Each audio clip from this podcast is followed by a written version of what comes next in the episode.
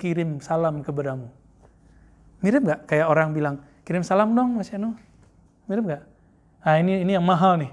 Karena Aisyah, muridnya seorang nabi, nabi punya hak untuk bisa berdialog dengan Allah. Maka dalam dialog itu, Allah menyebut Aisyah, kirim salamku buat kekasihku, Aisyah. Gimana tuh? Bisa, ya. Ah ini yang disebut mursyid hakiki. Orangnya kutub kalau bisa itu. Ada nggak hari ini? Ada. Tapi nggak banyak. Mereka nggak akan lebih dari 313. Sesuai jumlah dengan Al-Mahdi. Tentara Al-Mahdi atau Ahlu Badar ya. Jumlahnya 313 itu. Dan mereka bisa dialog dengan Allah. Dialog dengan apa? Dengan kolbunya, dengan ruhnya. Apakah wahyu? Bukan. Itu bukan wahyu syariat. Itu kayak ilham aja gitu. Apa kata Nabi? Seandainya Eh, di antar umatku ada orang yang bisa berdialog dengan Allah, muhaddas gelarnya, lakana Umar. Maka dia adalah Umar, hadis Sahih Bukhari kan? Berarti di Sahih Bukhari diakui bahwa ada sahabat-sahabat, ada umat Nabi yang bukan Nabi, tapi bisa berdialog dengan Allah Subhanahu wa taala. Ah, dan rahasianya ada di surah Al-Fatihah. Ya. Kalau antum bisa menguasai surah Al-Fatihah, di situ ada dialog dengan Allah Subhanahu wa taala. Taib. Fa'ahab al-abda Fa'ahab al-abda rabbahu ya. Ini dua uh, dua maf'ul nih ya. Maka dia mengajak hamba mencintai Allah dan meminta Allah mencintai hamba. La mahala. Wadhalika mirasu tazkiyah. Inilah warisan dari tazkiyah. Teman-teman, dalam surah uh, Al-Jumu'ah ayat 2, itu ada ayat, Huwaladhi ba'atha fil ummiyina rasulan. Nah, lalu ada karakter rasul itu. Apa karakternya? Yatlu alaihim ayatihi wa yuzakkihim wa yu'allimuhumul kitab wal hikmah. Karakternya yatlu alaihim ayatihi. Uh, membacakan, menyampaikan kan ayat-ayatnya kepada mereka, lalu melakukan tazkiyah. Jadi, mursyid itu tugasnya adalah menyampaikan ke murid ayat-ayat Allah yang tertulis ataupun yang nggak tertulis. Ada ayat Allah yang nggak tertulis? Banyak. Justru ayat Allah yang banyak itu yang nggak tertulis. Ya. Benar nggak? Coba baca surat Ar-Rum. Ya, mulai dari berapa tuh? 20 ya. 20 20 sampai ke berapa itu? Wa min ayati wa min ayati. Ternyata ayat Allah di situ bukan Al-Qur'an. Ayat Al-Quran menceritakan ayat Allah yang yang mengalir dalam diri kita. Ternyata di situ pasangan tuh ayat Allah. Jadi antum yang belum punya pasangan, ayat Allahnya kurang. Semoga segera, amin. Uh, semangat aja bilang amin. Covid, Covid. Baik. Uh, yang kedua, karakternya adalah tazkiyah. membersihkan murid gitu maka teman-teman ketika kita pakai talqin astagfirullah di lantai dua, beda nggak antum baca astagfirullah sendiri? Kenapa? Oh ini yang lain belum ya? Yang yang, yang akhwat belum? Yang banat belum? Sebagiannya juga belum. Ketika kita baca istighfar dengan teknik yang yang musalsal, yang kita ikutin versi guru kita dan gurunya dari gurunya, bukan dari baca buku, itu ruh langsung berbicara ke ruh, kolbu langsung kontak dengan kolbu Langsung tuh ada pengakuan dan nikmat. Coba solawat pakai ruh dan nikmatnya bukan main. Mana Buya Zulfikar ya. Itu itu kenikmatannya ketika dia ber, bersolawat.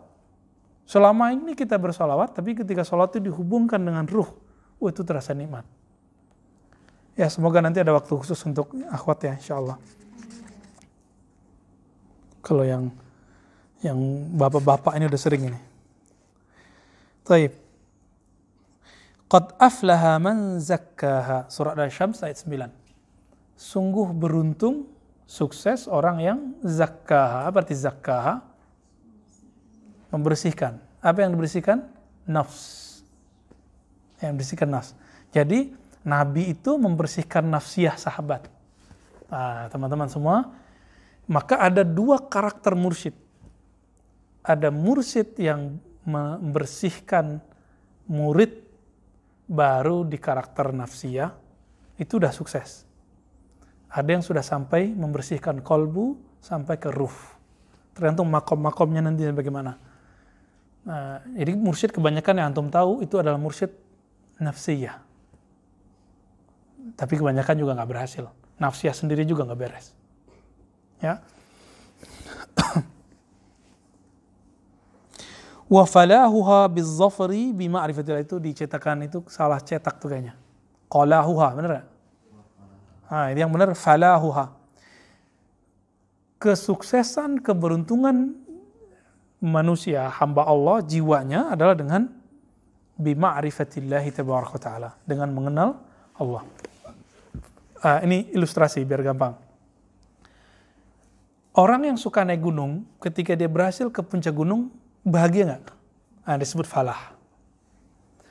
Orang kalau kuliah selesai 4 tahun S1, S2, 2, atau berapa tahun nih? Nggak tahu nih. S3, berapa tahun S3 sekarang? Kalau saya eh, masih telat lah 4 tahun, karena eh, main-main dulu, kerja-kerja dulu.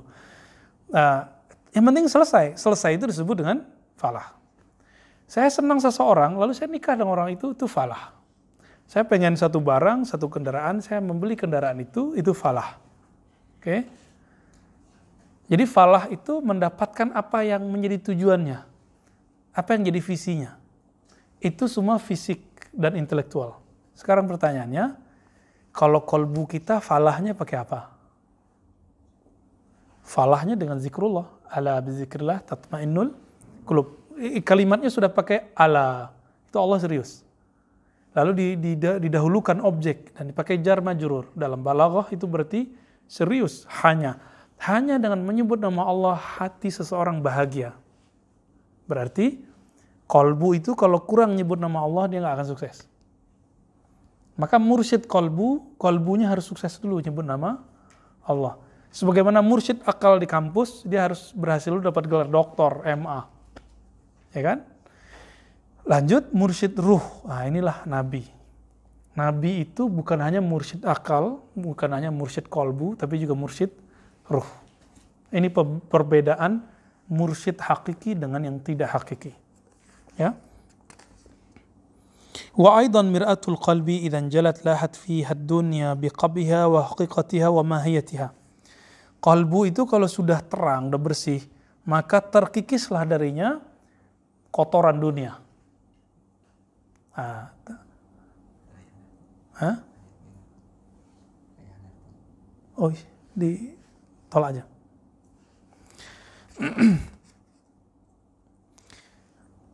Jadi salah satu hijabnya kita kepada Allah adalah coba habis takbir ingatnya apa? Allah Akbar. Hijabnya apa nih? Kalau pekerjaan nanti pekerjaannya masuk. Kalau ilmu nanti itu kepalanya panas tuh, apalagi udah masuk ribat kan. Ngajinya hantam-hantam terus. Pas udah takbir, wah kayaknya ini bidah nih gitu. Ini kayaknya mau ditanyain nih. Nah, muncul muncul itu dan itu normal. Berarti mungkin kerjaannya sudah nggak jadi halangan di kolbunya, tapi yang jadi halangan sekarang pikirannya. Itu bisa jadi begitu, ya. Udah lepas nih dari akal, masuk ke kolbu. Kolbu itu masalahnya apa lagi? Banyak zikir atau kurang zikir? Nah, itu jadi persoalan juga tuh. Nanti ya, ada rasa-rasanya. Fatankashifu lil basirati haqiqatud daraini wa hasilul manzilain. Nah, kalau kolbu sudah mengenal Allah, sudah menyebut nama Allah, maka terpancarlah di sana hakikat eh, dua negeri, yaitu dunia dan akhirat ya. hasilul manzilain uh, neraka dan surga fayuhibbul abda fayuhibbul abdu al baqi ya. lalu si hamba akan mencintai Allah yang kekal wa yazhadu fil fani dan zuhud menanggalkan cinta dunia teman-teman mencinta tidak cinta dunia bukan berarti nggak punya dunia tidak, tidak cinta dunia itu hanya bisa ada pada orang yang nggak punya dunia. Kalau dia udah nggak punya dunia, ya mesti nggak cinta dunia. Jadi zuhud itu hanya ada pada orang kaya. Sebenarnya. Tapi zuhud kolbu itu beda. Zuhud ruh itu beda. Zuhud kolbu cuma menanggalkan dunia. Tapi zuhud ruh, dunia dan akhirat ditanggalkan. Yang dia mau cuma pemilik dunia dan akhirat. Nah, jadi ada tingkatan zuhud, zuhud, zuhud di atas zuhud. Zuhud fi zuhdi. Baik. Fatazharu faidatu tazkiyah maka nyatalah di situ keutamaan dari tazkiyah dan masyakhah wa tarbiyah ya fa syaikhu min junudillahi tabaraka taala man yurshidu bihi al muridin wa yahdi bihi talibin maka syekh itu adalah tentara Allah uh, katanya virus tentara Allah ya benar juga ya virus tentara Allah emang ulama kita ada sebagian ngomong gitu cuma mungkin uh, ustadz kita ini e, berbicaranya ada orang yang gak senang sama beliau gitu aja. Maka di pelintir-pelintir itu kalimatnya. Karena ada orang gak senang sama beliau kan. Kalau saya nggak ada masalah dengan beliau. Ya. Kita e, termasuk bersyukur kepada Allah dengan ada beliau karena adanya beliau itu akhirnya orang nggak orang jadi ramai lagi ngaji mazhab syafi'i, ngaji akidah al-sunnah. Walaupun kemudian beliau sibuk di pergerakan lain ya. Uh, maka guru menjadi tentara Allah yang dengannya murid mendapatkan bimbingan ya. Taib. Lalu uh, di sini ada hadis. Hadisnya panjang, kita langsung saja. Wa bi sanadinal mutasil lan Nabi uh,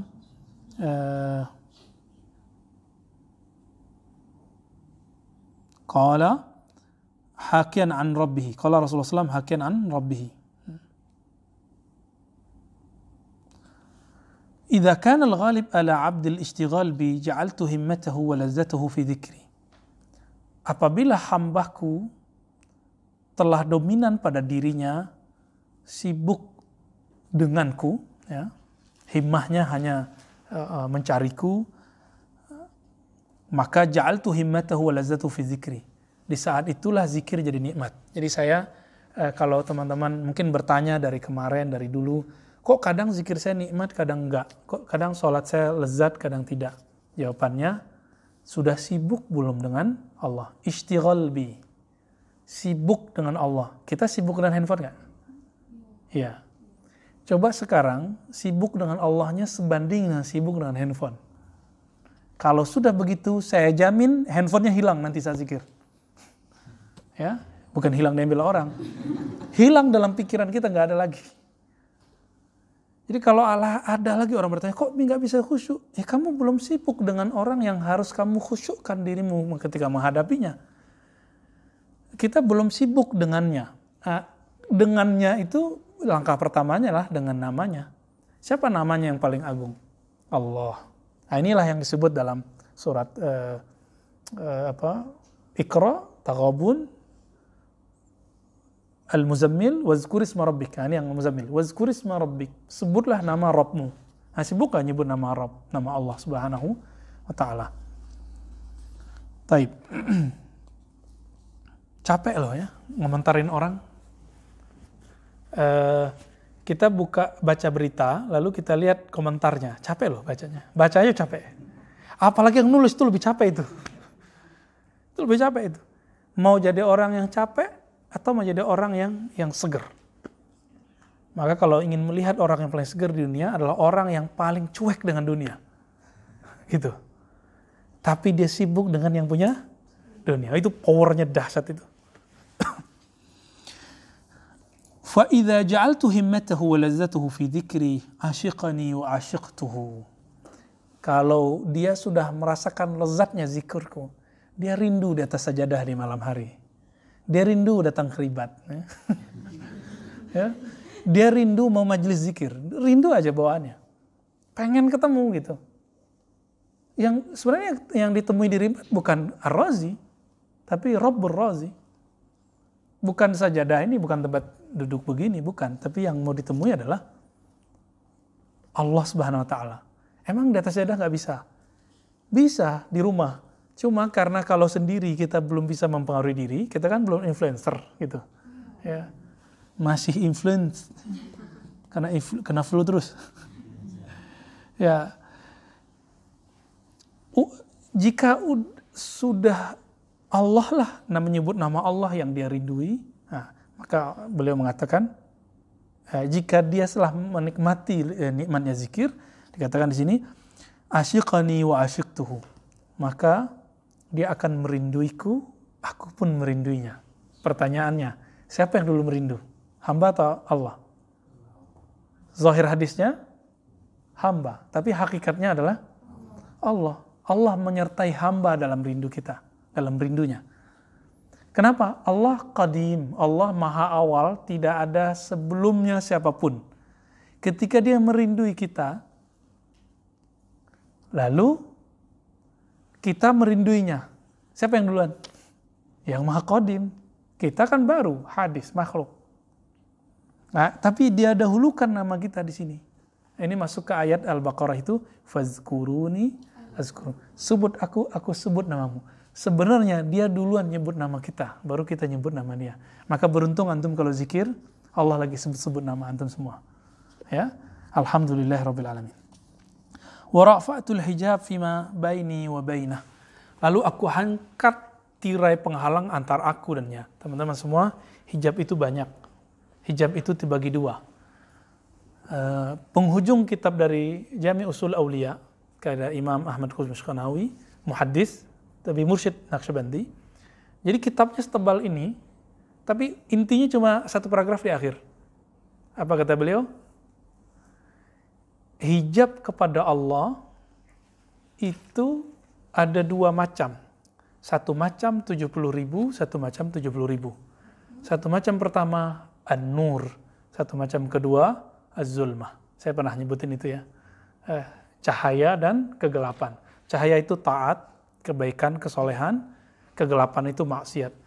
Jadi orang yang taat dan maksiat ini terhijab kepada Allahnya sama. Maka nanti coba lihat, ada orang taat belagu, sok suci.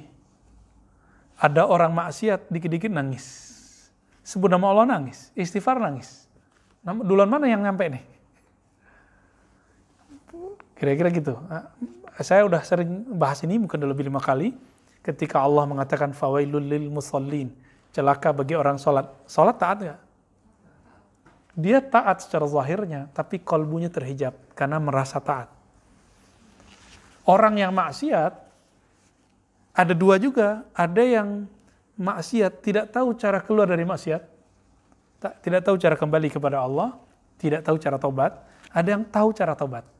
Ini yang dikatakan oleh Imam Nuttailah, kalau yang maksiat itu orang alim, maka nggak masalah karena dia tahu cara tobat. Tapi kalau yang masih itu orang jahil, dia akan mikir ya sudahlah, hancur-hancur sekalian gitu. Ya udah nikmatin aja deh gitu. Ah ini kacaunya di situ ya. Nggak tahu cara pulang. Nah hijab kita yang mana? Setiap hari kita kena hijab itu. Dan hijab maksiat itu sebenarnya ketika orang taat, di dalam taat itu ada maksiat ketika dia merasa dirinya taat, itu dia bermaksiat kolbunya. Mungkin dia nggak maksiat secara zahir. Berilmu, ilmu itu hijab nur. Orang mengira ilmu mulia semua, belum tentu. Ketika dia berilmu, dia merasa lebih pintar dari orang lain. Satu orang, ini saya ngerasa lebih pintar dari antum satu orang aja nih. Udah, saya langsung kemudian terhina di hadapan Allah. Itu sebabnya kenapa kita kalau ngaji kita istighfar dulu, baca fatihah dulu. Supaya itu bisa di, dikondisikan kolbunya, nggak merasa pinter. Jadi pinter, pinter itu hijab nur. Tapi di dalamnya, jadi itu kayak berlapis. Luarnya gelap, dalamnya cahaya. Luarnya cahaya, dalamnya gelap. Luarnya taat, dalamnya maksiat. Luarnya maksiat, dalamnya taat. Begitulah terus. Nah kita yang mana nih?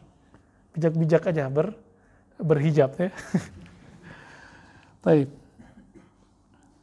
La yashu nasa. Apa karakternya kalau sudah berkurang hijabnya? Tadi hijabnya 70 ribu loh. Seorang nabi saja itu terhijab. Apalagi kita. Nabi Musa karena masih terhijab, Allah tidak izinkan melihat hatta cahayanya nggak diizinkan. Apa kata Allah? Lihat ke gunung itu, jika gunung itu tetap bertahan, maka engkau bisa melihatku. Lalu Allah memperlihatkan apa ke sana? Cahayanya. Hancur nggak gunung? Nabi Musa pingsan. Jadi beliau nggak melihat cahaya, hanya pantulan cahaya di gunung, udah pingsan. Itulah hijabnya Nabi Musa. Nabi Muhammad hijabnya saat di di aras. Falamma qaba qausaini au adna. Atau summa dana fatadalla. Jaraknya cuma dua, dua busur. Tapi dua busurnya Allah.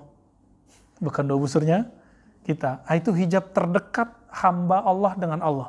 Itulah hijab Nabi Muhammad Sallallahu Alaihi Wasallam. Maka Nabi ketika bertemu Allah di arash itu, itu itu ada jaraknya segitu doang. Nah, Nabi Musa, Nabi Ibrahim itu di bawahnya. Ntar Nabi yang lain di bawahnya. Ah, kita nggak tahu di mana nih. Semoga kita nanti di ngikutin Nabi Muhammad SAW. Amin. Ya. Banyak-banyak sholawat. Apa karakter kalau hijab sudah terbuka? Meskipun tidak semua. La yashu idha sahannas. Ketika orang lalai, dia nggak lalai. Gitu. Orang lagi asik cinta dunia, dia nggak asik cinta dunia dia lagi di dunia tapi nggak asik dengan cinta dunia. Ulaika kalamuhum kalamul anbiya. Mereka kalamnya adalah titisan warisan para kalam nabi, kalam para nabi sallallahu alaihi wasallam. Ulaika al-abtal haqqan, ulaika alladhina idza aradtu bi ahli al-ardi aqubatan aw adaban dzakartuhum fiha fasaraftuhu bihim anhum. Nah, ini dia nih. Mereka itu adalah boleh disebut poros poros-porosnya wali di muka bumi yang mana apabila aku ingin memberikan uh, suatu bala bencana di suatu negeri disebut saja nama mereka maka aku akan menjauhkan bala itu dari negeri itu kira-kira teman-teman Singapura udah resesi Jepang udah resesi Singapura bulan lalu 40-an persen minus. Jepang 28 persen minus. Itu angka apaan sih? Gitu ya. Tanya ke ahli ekonomi ya. Negara sekitar sudah udah udah hancur semua nih. Indonesia kita kemarin bulan lalu minus 5 persen atau kurang. Berarti masih dijaga Allah nggak? Padahal kita ngerasa susah loh ya. Atau ngerasa biasa aja? Nggak biasa aja. Kira-kira ketika negara yang maju Norwegia atau itu negara yang paling gede pensiunannya sedunia. Ngalahin Amerika, ngalahin semuanya. Tapi sekarang ancur. Resesi semua. Negara kita resesi paling dikit-dikit gitu doang. Maka saya mau kasih tahu di negeri ini ada wali-wali sejenis itu. Sejenis orang-orang ini. Ya, mungkin di atas kutub lagi gaus wallahu alam alhamdulillah rabbil alamin ya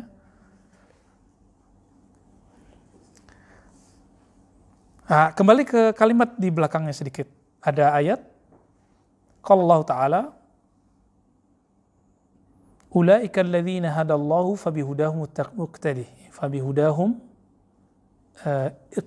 ya. Ulaika alladzina hadahullah hadallah. Mereka lah yang Allah beri hidayah. Ya. ya. maka dengan hidayah mereka hendaklah kalian ngambil uh, pedoman ya ngambil petunjuk. Apa kata beliau fal masyayikh lamahtadu ahallu lil iqtida' para masyayikh itu ketika mereka menjalani jalan hidayah barulah saat itu mereka berhak untuk diikuti jadi kenapa syekh itu jadi mursyid karena dia setelah menjalani jalan hidayah ya waja'alu waju'ilu ya a'immatal muttaqin dan mereka menjadi para imam orang-orang bertakwa. Baik, nah ada sedikit lagi yang mau kita bahas. Wasirru fi wusuli salik ila ratbatil masyayikha. Nah, meskipun antum nanti nggak bergelar syekh mursyid, tapi makomnya kalau bisa nyampe. Amin. Mau nggak? Makom kolbu para wali. Mau nggak? Walaupun kita nggak perlu ditulis Syekh Mursyid gitu, nggak perlu kan? Nggak perlu antum itu dapat gelar doktor, profesor sebenarnya. Yang penting ilmunya dapat profesor. Bisa nggak? Semoga bisa. Apa kata beliau? Sir, rahasia seorang salik. Salik itu sebutan murid e, untuk dalam tradisi sufi. Supaya sampai ke makom kewalian ini, anna salik ma'murun bisiyasatin nafsi mubtala bisifatiha. Bahwasannya murid diperintahkan untuk bersiasat dengan dirinya lagi jam 3, jam 4 tuh dirinya pengen tidur atau apa? Tidur. Nah, siasat dengan diri gimana? Ya dilawan tidurnya. Eh, ketika Senin, Kamis, makanya pengajian kita bukan hari Senin, bukan hari Kamis. Lemes pastinya. Itu orang banyak makan, siasat dengan diri apa? Puasa. Gitu. Di saat orang asik ngomongin politik, politik, politik, yang yang negatif, dia ngomong politik yang positif. Kayak gitu, ya. Nah, itu siasatun nafs. Mubtala bisifatia. Karena si murid diuji dengan sifat-sifat nafsiyah. Nah, ibtila itu adalah hadiah dari Allah. Bukankah ujian ujian skripsi bagi orang-orang kampus itu ditunggu-tunggu?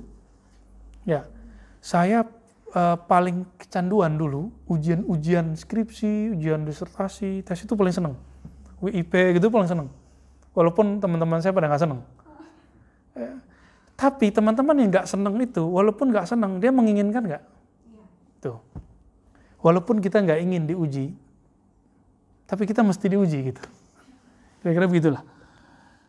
Wala yazalu yasluku bisidqil muamalati hatta tatma'inna nafsuh. Jadi uh, seorang murid itu senantiasa di, digembleng agar mempunyai sifat sidik dalam bermuamalah sehingga uh, jiwanya mutmainnah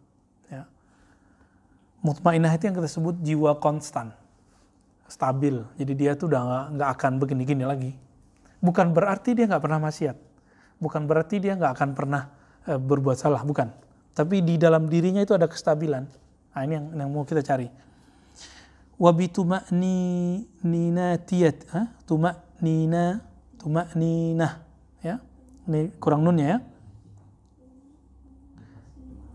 yantazi'u anha al-burudat wal yabusah allati istashabatha min asli khalqatiha wa biha tasta'si ala ta'ati wal inkiyar lil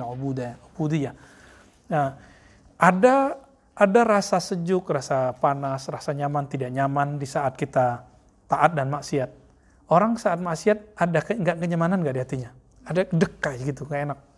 Ketika taat ada kenyamanan, ah, bolak-balik begitu, ini mau ditanggalkan tuh sisi nafsiyahnya. Kalau sudah begitu, walaupun dia nanti taat, dia nggak akan GR. Ketika dia maksiat, dia tidak akan kehilangan akal untuk pulang. Dia tahu jalan pulang. Nah, inilah yang dikatakan di dalam ayat ini.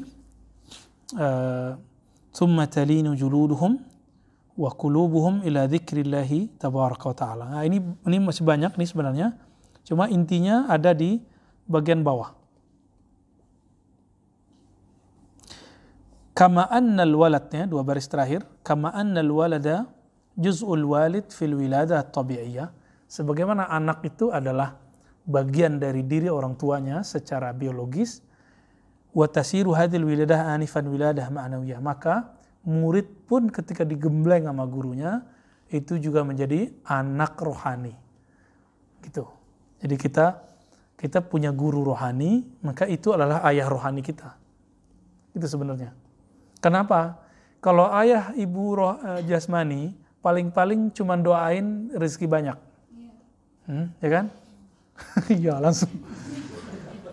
ya mohon maaf, hampir semua ayah ibu yang tidak meng, uh, tidak ulama dan tidak mengenal dengan bahkan ulama kiai juga masih begitu. Itu paling doain semoga kamu sukses, anaknya mau jadi apa nih? Dokter dokter uh, arsitek. Paling gitu doang bisnis. Tapi jarang orang tua yang mengatakan saya doakan kamu selamat dunia akhirat masuk sorga bersama nabi. Itu nggak ada gitu. Ada nggak? Nggak ada. Yang begitu doain siapa? Guru. Hanya guru yang mendoakan si muridnya supaya selamat sampai ke akhirat. Sampai beberapa guru kita bilang, ente nanti di mana saya cari di akhirat. Sampai ada yang begitu ngomong itu lebih dari orang tua nggak? Maka sayang, mohon maaf, sayangnya orang tua biologis terkadang hanya sifatnya materi. Anaknya bisa dieksploitasi nggak nih? Jadi jadi e, sumber duit, gitu. Nauzubillah min. Padahal suksesnya orang tua ketika anaknya jadi mahar masuk surga, gitu. Sebagaimana suksesnya anak ketika dia menjadikan orang tuanya mahar masuk masuk surga. Nah, maka ada ungkapan yang diriwayatkan secara eh, bebas, ini bukan hadis ya. La yuflih ma lam yulat marratain. Tidaklah uh, sukses siapa yang tidak terlahir dua kali. Lahir secara biologis, lalu lahir secara rohani. Kapan terlahir secara rohani? Ketika antum merasakan zikir yang nikmat. Ketika zikir, ketika la ilaha illallah itu terasa getaran di kolbu itu terlahir kembali udah. Ya, kalau sudah merasakan itu, ketika nyebut nama Allah itu terasa nikmat, itu sudah terlahir kembali. Nah, beruntung. Fabil wilayatil ula lahu irtibat bi alamil malak. Nah, di, di paragraf berikut, dengan kelahiran biologis, maka dia terhubung ke alam zahir, alam nyata, wa bihazihil lahu irtibat bil malakut. Dengan kelahiran rohani, maka dia terhubung terkoneksi ke alam rohani. Nah, inilah uh, kajian di tempat Pak Mahadi kemarin ya, alam ruh. Itu belum, malakut belum ruh. Kita sudah jelaskan, ada alam malak, ada malakut, ada jabarut. Nanti ke atasnya ada lagi. Ketika kita bertemu Nabi Shallallahu Alaihi Wasallam dalam mimpi, kebanyakan itu di alam malakut. Namun ada orang lagi antara sadar nggak sadar, sadar nggak sadar kan berarti rohnya lagi bolak-balik bolak-balik. Di saat itu dia ketemu Nabi. Nah itu sebenarnya dia nyampur tuh antara sadar nggak sadar. Kita sebutlah alam malakut aja. Nabi udah masuk ke alam malakut kan sekarang. Tapi orang-orang yang kolbunya tajam, dia dalam keadaan sadar begini, dia bisa melihat hadirnya Rasulullah, hadirnya para arwah, hadirnya malaikat, meskipun matanya ini melek, kolbunya juga melek. Nah, itulah para nabi dan para aulia. Ya. Para aulia yang disebut ahlul kasyaf. Tapi antum jangan minta-minta gitu deh, ya. Repot nanti. Coba lagi lagi datang ke sini ter ngelihat ada yang nunggu depan dua orang misalnya kan. Ter lagi zikir terus orang yang turun. Nah, eh, lagi baca rotib tiba-tiba ada yang teriak kan gitu. Pas dilihat kok nggak ada yang teriak. Eh, Tahu-tahu ngeliat kelabang, ya kan? Kan aneh nanti. Repot kan? Jadi beruntung kita nggak melihat alam gaib. Wa min ni'amillah alaina ayyahjibu anna alam al-malakut. Salah satu hijab yang nikmat adalah Allah tidak selalu memperlihatkan alam malakut. Coba dilihatin terus. Berdesakan tuh roh itu lagi nyari syafaat. Jadi roh-roh yang yang belum ketemu dia jalan pulang. Jadi semua orang yang meninggal tuh belum masuk ke sana itu. Dia lagi nyari tempat yang bisa ngasih dia syafaat. Tapi dia nggak kita yang kita sebut eh, roh gentayangan bukan. Pocong jalan-jalan eh bukan. dia lagi nyari. Sebagaimana di dunia, di dunia itu orang mencari guru yang bisa mengenalkan dia ke Allah, benar nggak? Sama. Nanti kalau nggak ketemu di dunia, dia nyarinya di, di alam barzakh. Kalau ketemu di alam barzakh, dia nyari nanti di barang mahsyar. Maka di barang mahsyar, hadis yang sahihnya, semua umat cari Nabi Adam. Nabi Adam bilang, enggak, saya nggak bisa kalian aja keluar dari surga karena saya, kan gitu kan? Terus Nabi Adam ke siapa? Nuh. Nuh ke Ibrahim, Ibrahim ke Musa, Musa ke Nabi Muhammad. Dalam riwayat uh, yang kedua ditambahkan Nabi Isa. Namun as-sahih tidak ada Nabi Isa. Itu yang sahih sebenarnya. Walaupun lafaz yang kedua Isa itu sahih, tapi secara makna matan itu tidak tepat. Uh, setelah Nabi, baru kemudian semua Nabi dapat izin. Berarti SK syafaat para anbiya itu ada di tangan Nabi Muhammad SAW. Apa kata Nabi Musa? Ya Allah jadikan aku umat Nabi Muhammad. Antum perlu doa nggak? Dulu doa nggak? Nggak doa kan? Sekarang dijadikan umat Nabi Muhammad. Tuh Nabi Musa cemburu tuh. Beruntung nggak kita tuh? Jadi jangan lagi sesali uh, kenapa saya lahir zaman sekarang, kok zamannya COVID. Susah nih nikahnya. Ha, jangan gitu lagi. Taib. Nah, kira-kira itulah uh, kita gantung di sini. Eh, para syekh hakiki itu yang yang menjadi guru kita, dialah yang melahirkan rohani kita sehingga menyentuh alam malakut sehingga teman-teman insya Allah kalau rajin bisa menikmati nama Allah dalam kesendirian itu. Ya. Wassalamualaikum warahmatullahi wabarakatuh. Assalamualaikum warahmatullahi wabarakatuh.